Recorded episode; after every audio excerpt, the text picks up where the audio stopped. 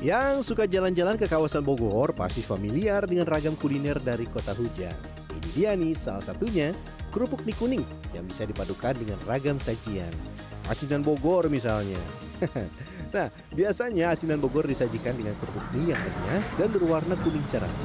Meski asinan, kerupuk mie kuning juga cocok menjadi pendamping kuliner lainnya. Selamat datang pemirsa di segmen Sehari Menjadi. Ini adalah kerupuk mie kuning, salah satu cemilan-cemilan khas dari wilayah Bogor. Mau pakai asinan, ke, mau pakai gado-gado, mau pakai rujak apa pun bisa nggak masalah. Tapi sebelum saya akan menyantap makanan-makanan ini, kita akan lihat dulu proses bikinnya. Apakah mudah, segampang makannya, atau kira-kira seperti apa? Kita lihat.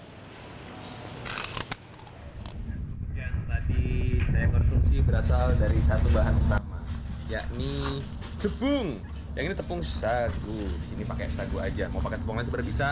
Cuman ada alasan kenapa ini hanya memilih tepung sagu aja. Saya akan jelaskan sambil berjalan. Di sini, Pak. Ini ngadonnya di sini? Iya. Siap. Kampung Kaum Pandak yang berada di Kelurahan Karadinan, Cibinong, Kabupaten Bogor, Jawa Barat, tersohor dengan sebutan Kampung Kerupuk. Di kampung ini ada puluhan industri rumahan milik warga yang memproduksi aneka kerupuk. Kerupuk mie kuning adalah salah satunya. Dalam sehari di tempat ini mampu mengolah 600 kg sagu menjadi kerupuk mie kuning mentah yang dijual di kawasan Jabodetabek, Banten, hingga Provinsi Lampung. Udah cukup ya.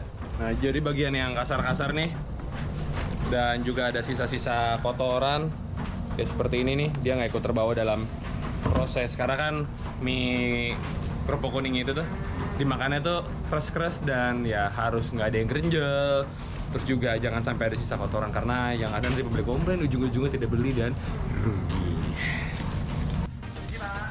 Selanjutnya sagu akan diaduk menggunakan air panas. Ingat ya, harus air panas. Air panas akan membantu melunakkan tepung sagu dan membuat adonan menjadi elastis dan mudah dibentuk. Dalam proses ini, tambahkan juga pewarna makanan berwarna kuning untuk mempercantik tampilan dan membedakan antara kerupuk yang dibuat dari sagu dengan kerupuk putih yang dibuat dari tepung tapioka.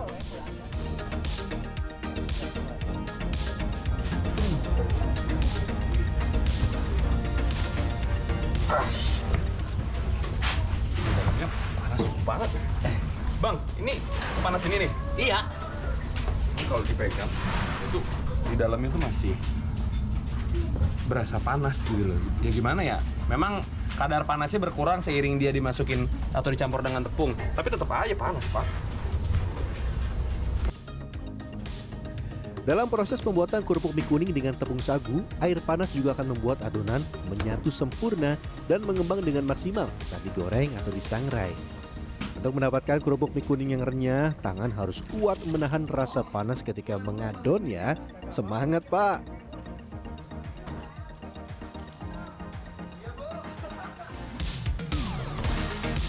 Aduk terus hingga kalis dan adonan tidak lagi lengket di tangan.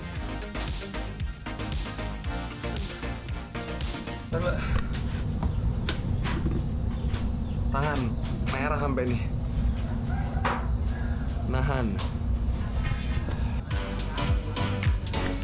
Adonan selanjutnya masuk ke dalam mesin cetak.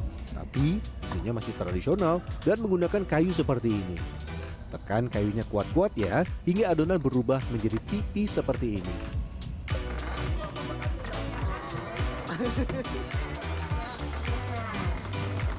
Kayaknya nyeri ya.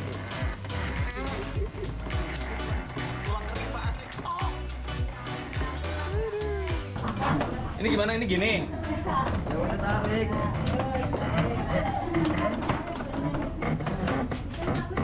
Ini dorong. Tarik yang itu ya. Ininya tarik. Ya. Eh, nyangkut. Kenapa saya rem tangan? Nah, Itu jangan diinjak. Eh, koplingnya, Duk, koplingnya. Butuh tenaga ekstra dan kepiawaian untuk mengatur gerakan kaki dan tangan untuk mencetak kerupuk mie kuning dengan cara manual seperti ini. Nah, elah. Kelemar, kelemar. Ampun. Itu tarik. Kay- ya. Kayaknya Bukan ketenaganya, Pak. Polanya masih bingung, Pak. Ini tangan ke mana, kaki ke mana? Adonan yang keluar berbentuk mie kecil dan dari sinilah penyebutan kerupuk mie kuning berasal. Ketika mie keluar dari mesin cetak, kipas-kipas agar mie tidak menempel satu sama lain. Nih sambil kipas-kipas biar dia nggak nempel. Kira-kira setengah meter sampai satu meter. Sate, sate, belum ya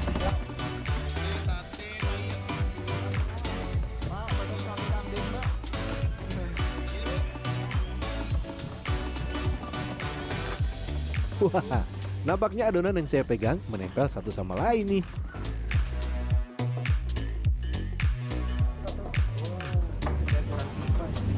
Makanya saya langsung lompat daripada salah semuanya. Kalau yang benar itu dia, nah seperti ibu ini nih. Nih kayak gini kami. Nih. Satu anehnya. Lihat dulu ya, Cak. Tuh. Oke, maaf bu, saya pinjam dulu. Oh ya. Ini yang udah dikipas sama ibunya yang udah versi benar. Dia lebih nggak nempel. Kalau punya saya dia tuh, tuh kelihatan lah ya. Dia masih tuh malah ntar dia patah. Ini nggak bisa buat dipakai buat adonan luar, paling buat tengahan doang. Nah ini yang benar. Lanjut kita bentuk mie melingkar dengan bantuan cetakan. Ada beragam ukuran cetakan. Kalau yang tengah saya pakai ini berdiameter 15 cm atau berukuran besar. Kalau mau dibuat lebih kecil bisa kok. Semua tergantung permintaan pemesan. Begini bener bu? Iya. Bener ya?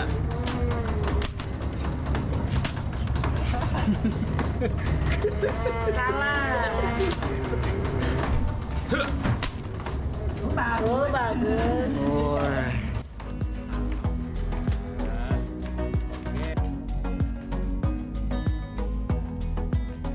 Bagian mie yang pendek jangan dibuang karena bagian kerupuk yang pendek atau agak hancur ini akan menjadi bagian tengah kerupuk.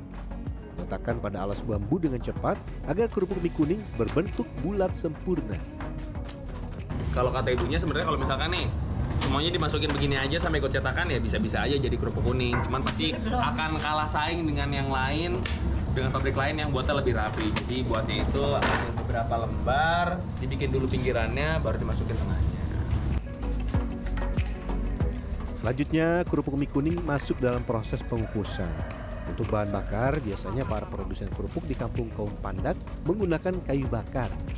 Selain lebih murah, proses pengukusan dengan kayu bakar akan menghasilkan aroma khas yang menambah cita rasa ketika disantap. Setelah kurang lebih setengah jam, kerupuk mie kuning sudah matang.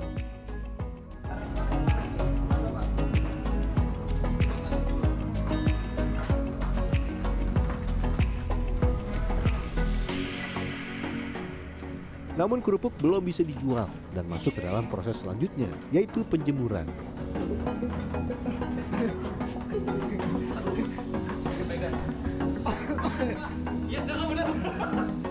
Gini,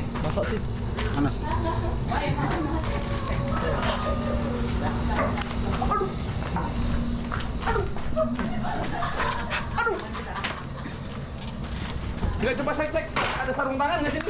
Oh nggak ada. Panas.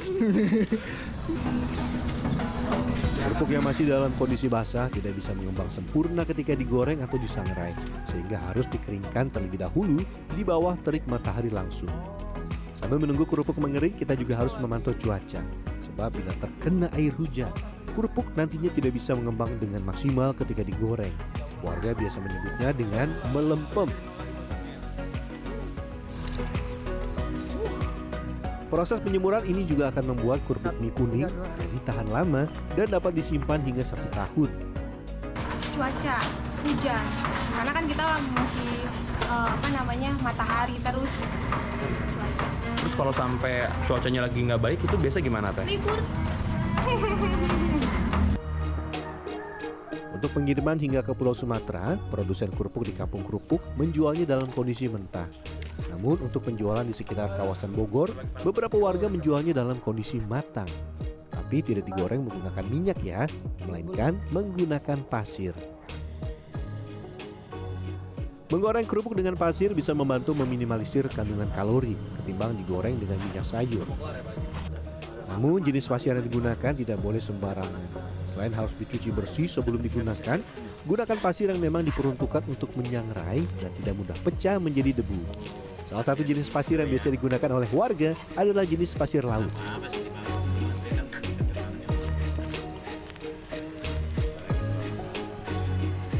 gitu Ya, oh terlalu Pegangnya kelamaan. panas enggak gitu. Enggak ya, maaf.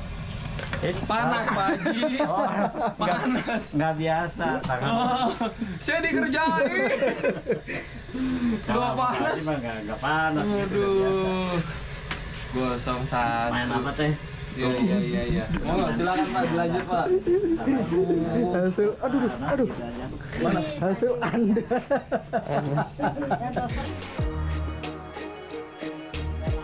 Kerupuk mie kuning dijual dengan harga bervariasi.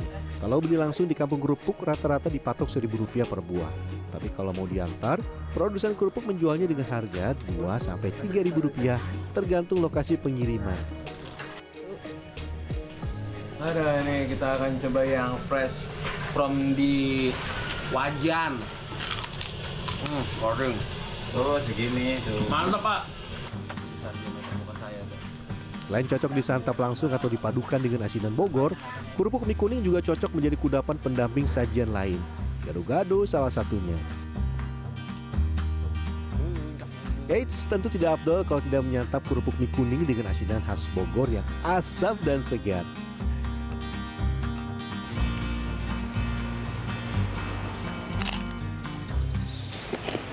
Apa yang nggak nyambung sama kerupuk ini? Pas ya. Rujak gue juga nyambung. Mantap. Bagaimana? Anda tertarik mencoba membuat kerupuk kuning? Siapkan tenaga ekstra ya, karena proses produksinya amat panjang. Oh iya, harus tahan panas juga. Rian Fernando, Dewi Agung Yuldiarto, Bogor, Jawa Barat.